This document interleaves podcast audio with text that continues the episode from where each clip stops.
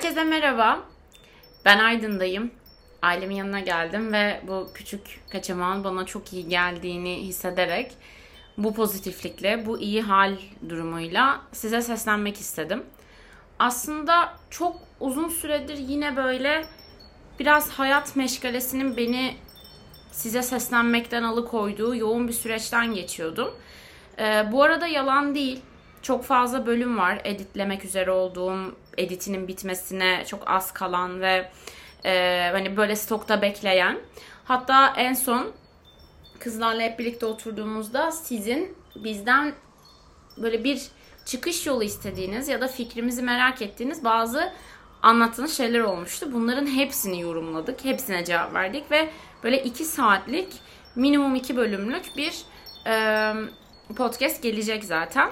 Ama ben böyle ondan önce hani editlerken zaman geçiyor ve zaman geçtikçe benim de beynimde bir şeyler akıyor duruyor ve ben sürekli onları sonra konuşmak için itelerken buluyorum kendimi. O yüzden bugün bilgisayarın karşısına geçtim ve size seslenmeye karar verdim. Böyle her ne kadar her şey İstanbul'da başlasa da çok böyle aslında benim majör kararları verdiğim ya da çok yoğun duygulanımlar içerisinde olurken hep sığındığım bir kale olan Aydın'a gelmek.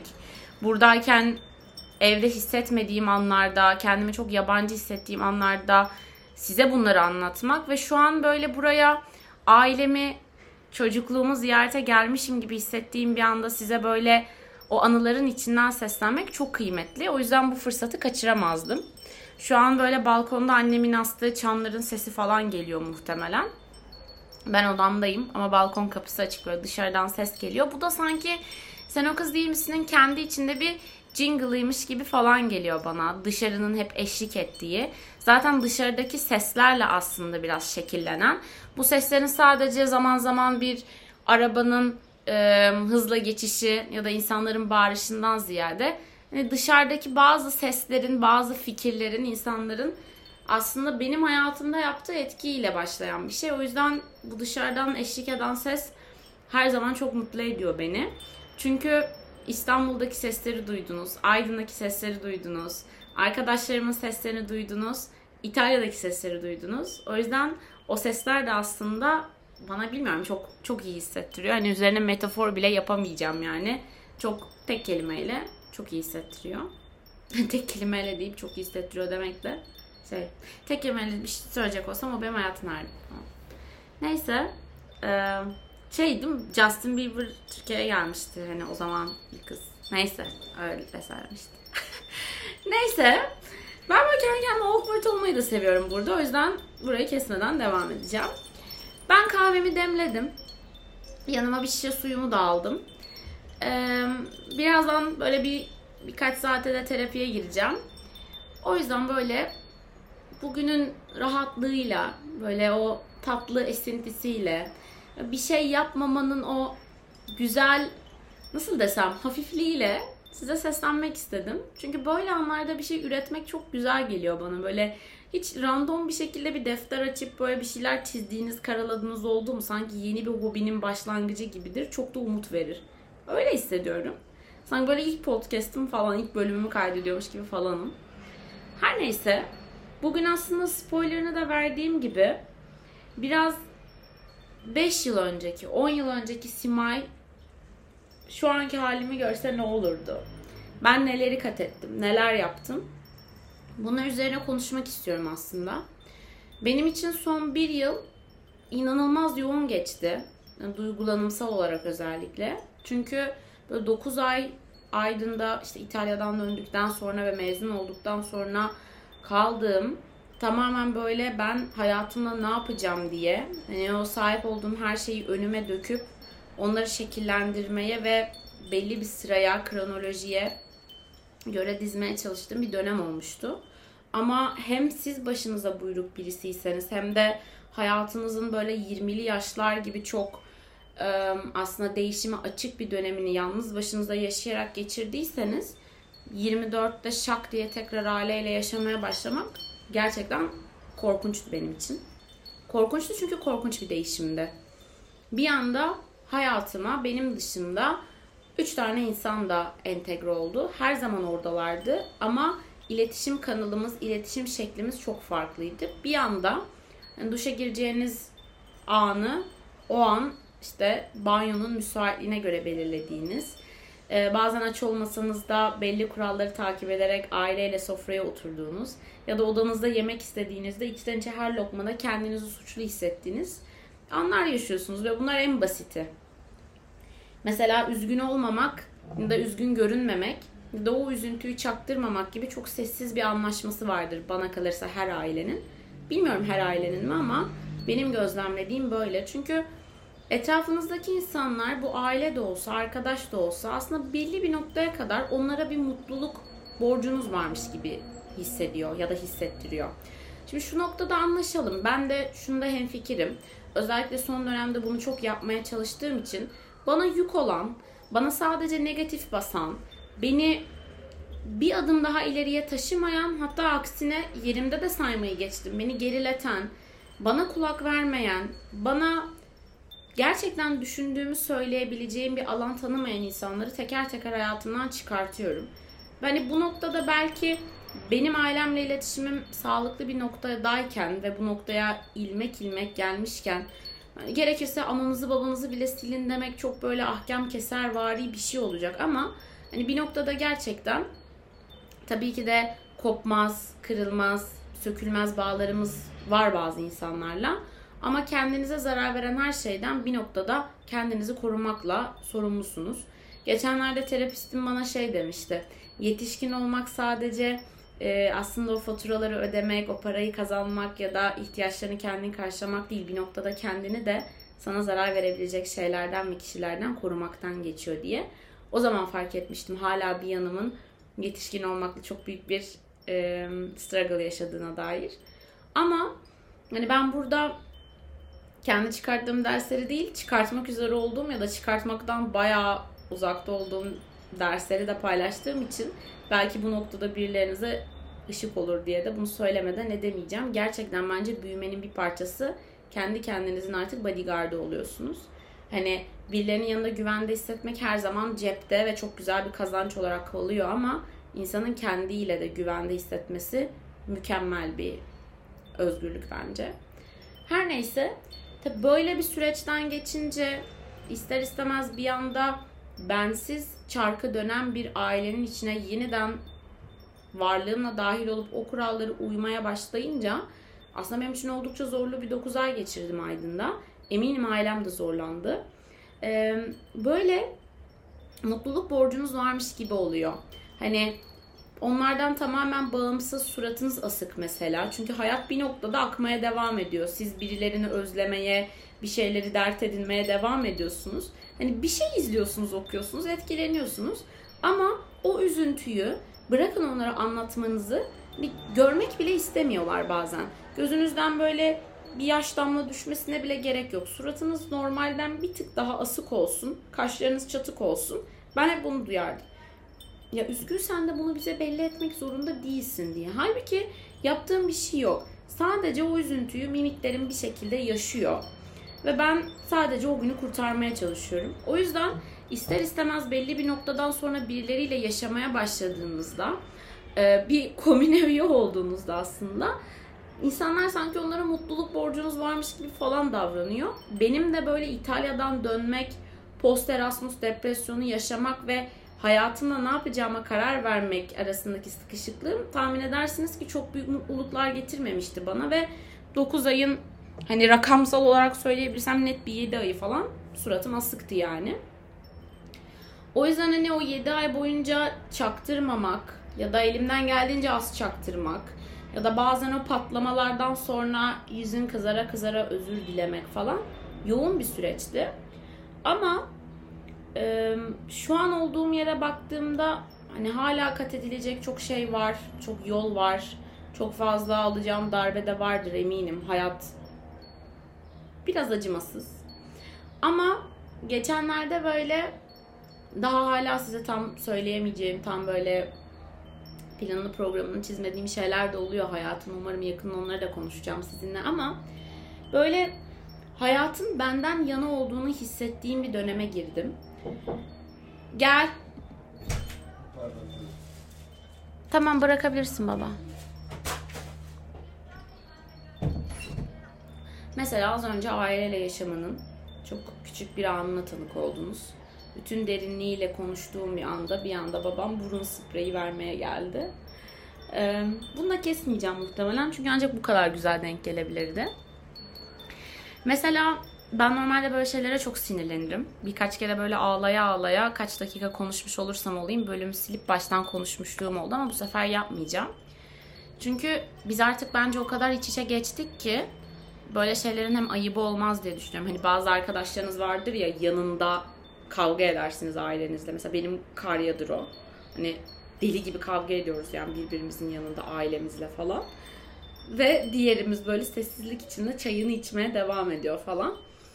Ee, hani buna şahit olan bir arkadaş gibi siz de arada işte annemin babamın kapıyı çalmasına ya da birinin içeriden seslenmesine bence e, ayıplamadan o anın geçmesini bekleyerek tolerans gösterebilecek çok kıymetli o kızlarsınız.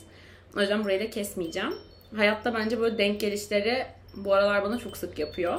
Bu da hayatın benden yana olduğunun bir göstergesi. Ben arkadaşlar inanılmaz gurur duyuyorum kendimle. Ee, ve bu gurur belki kibir bir noktada.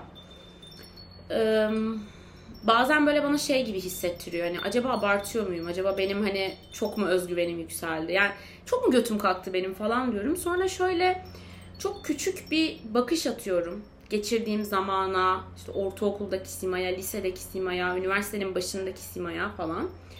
Ve bazı dönemlerde özellikle hani üniversiteye kadar özellikle böyle hani spesifik olarak hani kendi kararımı verip de bir şeyin böyle arkasında durma gücünü kazanacağım ana kadar o dönemdeki Sima'ya bir bakış attığımda öyle aslında özgüvensiz, öyle aslında çevresi tarafından çok özgüvenli, bıcır bıcır gibi tanımlansa da aslında sadece başkaları tarafından kabul edilmenin farklı yöntemlerini arayan, atıyorum güzellikle kendini kabullendirtemiyorsa bunu böyle çok okuyarak, çok yazarak, çok kendini tırnak içinde entelektüel olarak geliştiren bir simayla karşılaşıyorum ve ne kadar kendinizi geliştirdiğinizin bence e, miktar olarak bir önemi yok. Ama bu gelişim için sizi gaza getiren, o kıvılcımı atan şeyin çok büyük bir önemi var ve benim ortaokulda, lisede bu kıvılcımım inanılmaz toksikti. Yani resmen sanki kimyasaldı ve o kıvılcım büyüyüp aleve dönüştüğünde ben onun ortaya çıkarttığı dumanla zehirlendim aslında. Ki bence gerçek bir özgüven zehirlenmesi ya da gözlerinin insanın kendi ışığıyla kör olması da buna tekabül ediyor ama o noktaya çok girmeden üniversiteye başladım. Benim için her şeyin böyle sıfırdan başlaması gibiydi. Yani böyle sanki Sims oynarken yarattığım o simülasyonda kaydetmeden çıkmak gibiydi.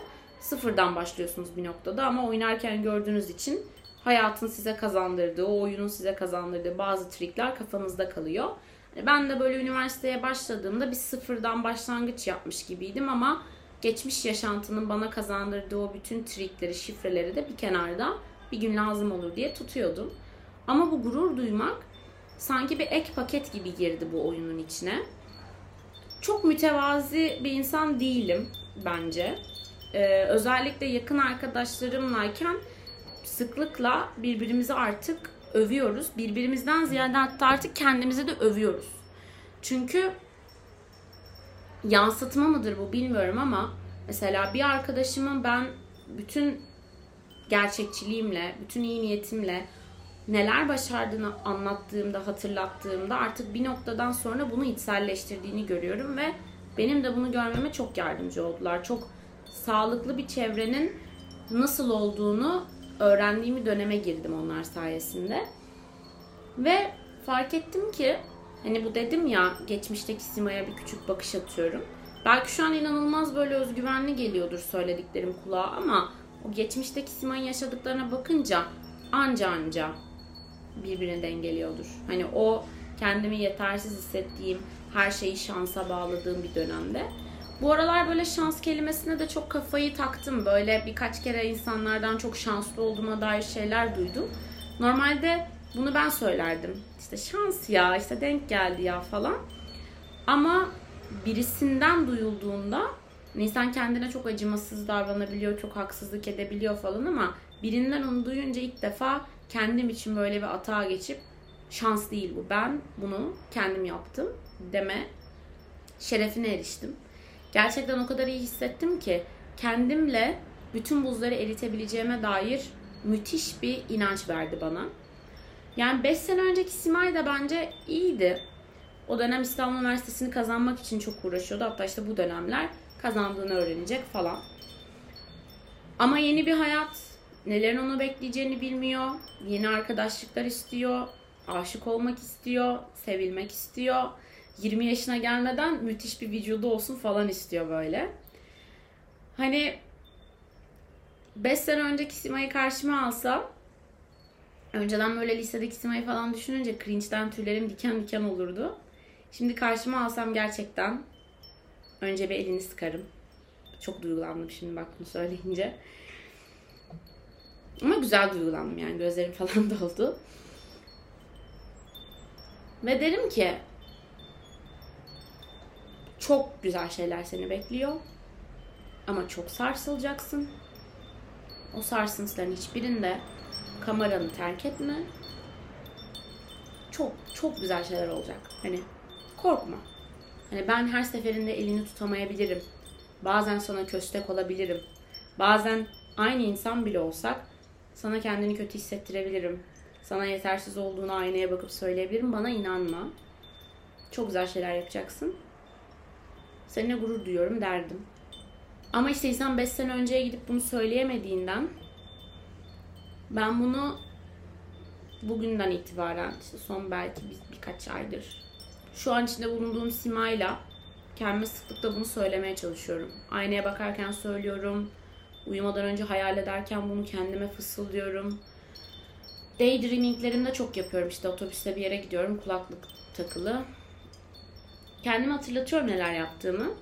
Çünkü bir 5 sene sonra daha işte 30 yaşındayken gelip de ya 25 yaşındaki Sima'ya keşke onunla ne kadar gurur duyduğumu söyleseydim demek istemiyorum.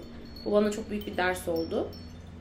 O yüzden bugünden itibaren, bu yaşımın itibaren bu gururu sıklıkla kendime hatırlatmaya çalışıyorum. Ve yapacağım da bunu. Şimdi bölümün esas konusuna gelirsek, hani 5 yıl önceki ben burada olduğumu tahmin eder mi diye. Ben böyle hep hayatım güzel olacak falan diye düşünüyordum ama karamsarlık bir noktada çok baskındı. Ee, ve o korku beni konfor alanımdan çıkmakta çok geride tutuyordu. Yani konfor alanımdan çıkmaya dair en büyük korkum aslında sahip olduğum korkulardı. Şimdi böyle hala bazen mesela şey çok şaşırıyorum. Çalışmak, işe gitmek, sorumluluklarının olması, faturaları ödemek, banka hesabını kontrol etmek, para çekmek, kimseye hesap vermeden kendine bir şeyler almak, kendi arzunla evde kalmak, dışarıdaki eğlenceyi kaçırmaya dair korkuların artık azalması, zaten hayatında sadece sevdiğin insanları tuttuğun için onların kalbindeki, zihnindeki simayla zaten aslında farklı yerlerde, farklı anlarda yaşayabileceğinin kabulü.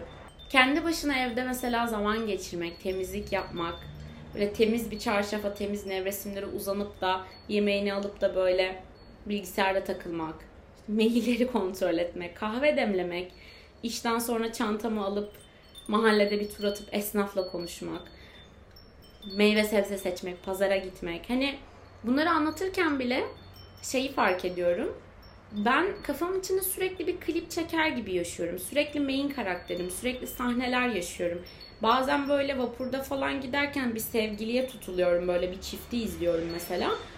O zaman da figüran olarak kendimi konumlandırıyorum ama mutlaka bir filmde bir şekilde rol buluyorum kendime.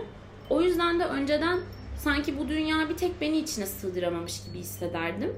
Şimdi hayat beni o kadar esnekleştirdi ki her kabın şeklini alabiliyormuş gibi hissediyorum. Bir drama filminde oynayabilirim. Çok romantik bir filmde figüran olarak yer alabilirim. Ya da solo kariyer olarak devam edip çok güzel bir monolog atıp adımdan söz ettirebilirim. Çünkü o esneklik farklı şeylerin kalıbına girmeye dair bir aslında inanç ve güç veriyor. En azından bana. Ve böyle bilmiyorum 5 yıl önceki Simay neler düşünürdü neler yapardı. Nitekim kafasını aşkla bozmuştu ki bunun hala zaten izlerini taşıyorum. Ama mesela bazı kazıkları yiyeceğini hiç düşünmezdi.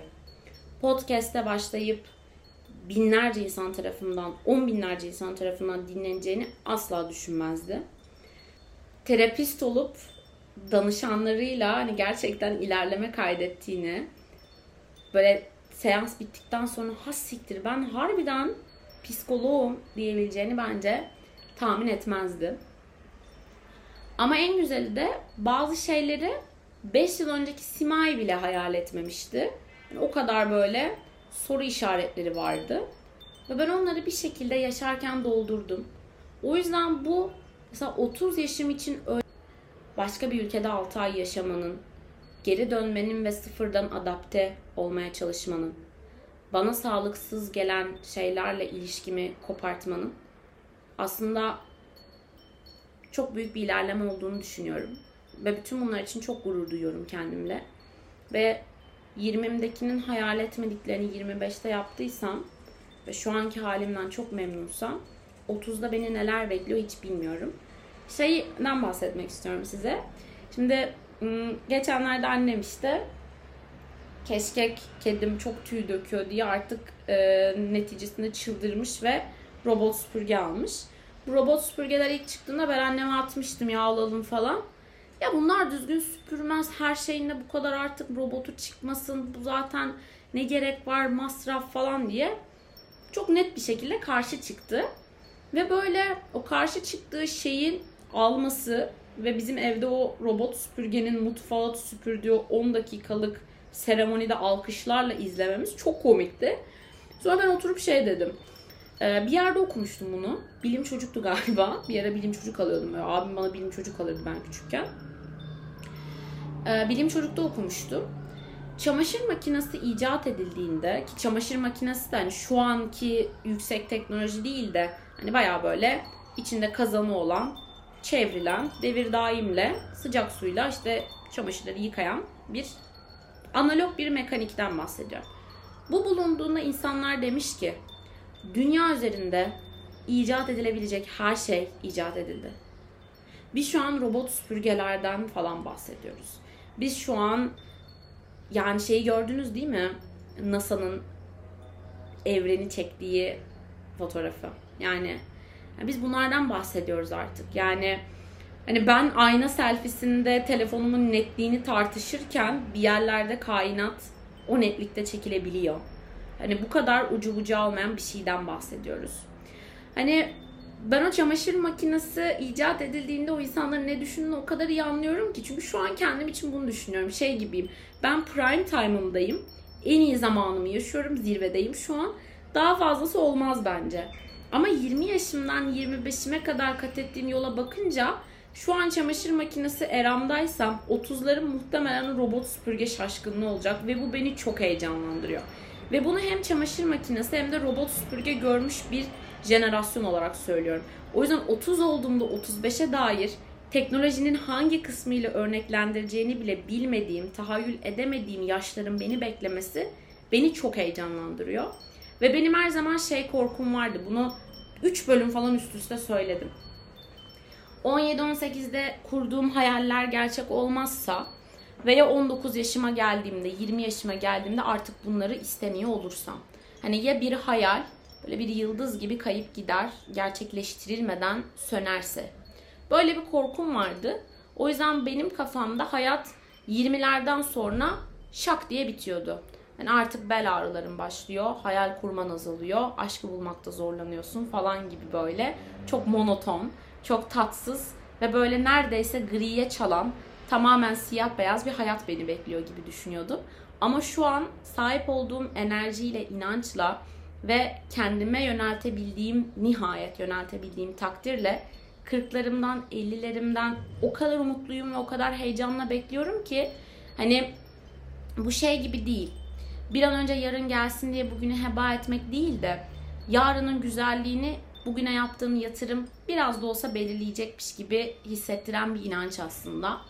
O yüzden kendimle inanılmaz gurur duyuyorum. Sizinle daha paylaşacağım çok şey var. Sen o kız değil misin çok büyüyor. Hani böyle bir süredir bölüm atmıyorum diye sizi unuttum ya da artık pes ediyorum gibi falan düşünmeyin. Ee, benim en mutlu olduğum şey içeriğini hayatın kendisinden alan bir ürün ortaya koyuyor olmam. Ben yaşadığım sürece Sen o kız değil misin'in bitmesi için hiçbir neden görmüyorum. Hani influencerlar böyle işte evleniyorlar mesela. İşte düğün alışverişi linki falan. Sonra bir nokta böyle o evlilik, düzen, hayat, taşınma. Sonra atıyorum artık influencerlıkta 5. 10. yılını kutlayanlar hemen bir tane eşantiyon çocuk yapıyor. Sonra o çocuk üzerinden işte kitap önerileri, puset önerileri falan diye yeni bir era başlıyor. Aynen öyle yani. yani çocuğum olur, anne olmanın zorlukları falan. İşte ileride çocuğum podcaster olursa ne yaparım gibi konularla mutlaka yine sizi darlarım ama hiç bitmeyecek bir içeriği var bence Sen o kız değil misin? Her neyse. Yani Sen o kız değil misin gerçekten kendi böyle kilit anlarından birkaç tanesini yaşıyor. Yakında bunları da umarım duyacaksınız. Güzel şeyler bekliyor bizi. Hep birlikte getirdik buraya Sen o kız değil misin'i. Onun dışında benim hayatımda böyle bazı majör olaylar oluyor. Onları da yakında paylaşacağım. Çok gurur duyuyorum kendimle. Geçen bölümde böyle bu Out to Male Gaze'de yaşadığım bir date'den bahsetmiştim ya. Bir tane arkadaşım şey dedi. Yani spesifik bir şeyden bahsettiğin için sadece bu kadar justify etmen, bu kadar yani kötü niyetle söylemiyorum üstünüze alınmayın falan demene gerek yok. Burası senin alanın diye bana böyle bir sert bir şekilde hatırlattı. Çok da haklıydı aslında. Hani bu bölüm böyle bu bölüm başlamadan önce hayatımdan çıkan ilişkimi kestiğim, artık tahammül edemediğim bazı işte insanlar var. Bunlardan da aslında bahsetmek istedim. Çünkü benim gibi böyle çok insan ilişkilerine bağımlı, kaygılı bağlanan bir insan olduğunuzda biraz ister istemez hayatınızdan insan çıkartmak zor oluyor.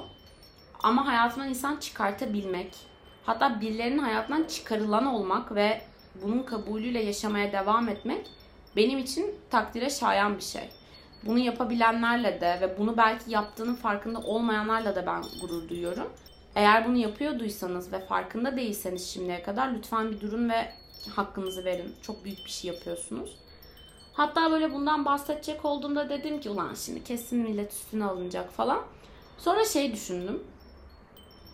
Bence bir insan hayatındaki bir negatiflikten ya da birini hayatından çıkartmaktan ya da artık onlarsız devam etmekten bahsettiğinde yani negatif ve kötü bir şeyden bahsettiğinde bunu neden üstüne alındığını düşünmeli. Çünkü sıklıkla arkadaşlıklarıma, ilişkilerime, işte aileme, ona buna müteşekkir olduğum, güzelliklerden bahsettiğim, bazı anılardan böyle küçük demeçler sunduğum çok fazla bölüm, çok fazla saniyeye, dakikaya şahitlik ettiniz. Mesela bunları da üstüne alınabilir insanlar. Peki neden negatiflikleri, neden benim kalp kırıklıklarımı mesela üstüne alınıyor bu insanlar ya da üstlerine alınabilirler? Aslında bunun da bir öz eleştirisini yapmak gerekiyor. Yani günün sonunda ben bu bölümü çekmeden önce şey dedim kendime. Kim neye alınırsa alınsın. Onlar da kalbimi kırmasaymış. Burası benim kürsüm. Ve sen de o kalbi kırmasaydın aslında. O yüzden mesela bunu da söyleyebilmek, kalp kırıklıklarından da bahsedebilmek, çıkıp da acaba kim ne düşünür demeden ya da yanlış mı anlaşılırım demeden çünkü hissettiklerinin doğruluğunda ilerleyen bir insan olmak da benim için çok gurur verici. Çünkü belki bazı yanlış anlaşılmalar olmuştur insanlarla hayatımda. Belki ben bazı şeyleri yanlış yorumlamışımdır. Belki bazı yanlış kararlar vermişimdir. Ama günün sonunda ne hissettiğim aslında doğru olan. Ve ben bana kendimi iyi hissettirmeyen ya da iyi hissettiren şeyleri kendi doğrum olarak kabul ediyorum. Aslında hislerimi önceliklendiriyorum. Çünkü burası benim hislerimi konuştuğum bir yer, bilim yaptığım bir yer değil. O yüzden aslında kim ne düşünürse düşünsün. Ben günün sonunda hissettiklerimle birlikteyim demek. Hani yorgana birlikte girdiğim, kafamın içinde beni uyutan, hatta çoğu zaman uyutmayan bazı düşünceleri buraya getirebilmek de bence bir meziyet.